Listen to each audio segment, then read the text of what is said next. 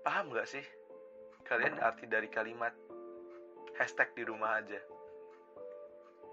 Itu bukan hanya sekedar pergerakan di sosial media. Itu perlu disokong dengan gerakan nyata.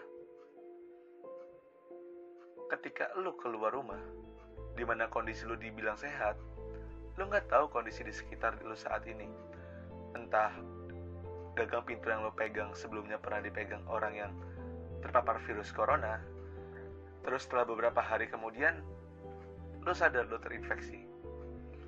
Setelah itu lo menyalahkan pemerintah. Kenapa sih nggak di lockdown aja? Pemerintah sudah menganjurkan kalian untuk di rumah. Di sini seharusnya kalian yang mikir. Pahlawan medis kita, teman-teman kita yang bekerja di rumah sakit, itu mempertaruhkan nyawa mereka untuk menjaga kesehatan kita. Pemerintah dan pihak lainnya menghimbau agar kalian semua untuk di rumah aja. Tapi kalian malah nonton, jalan, nongkrong sama teman kalian. Ayo dong, kita saling bantu.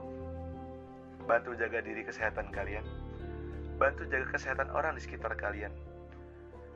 Bantu pemerintah untuk meminimalisir penyebaran virus tersebut dan bantu tenaga medis kita untuk tidak menambah korban.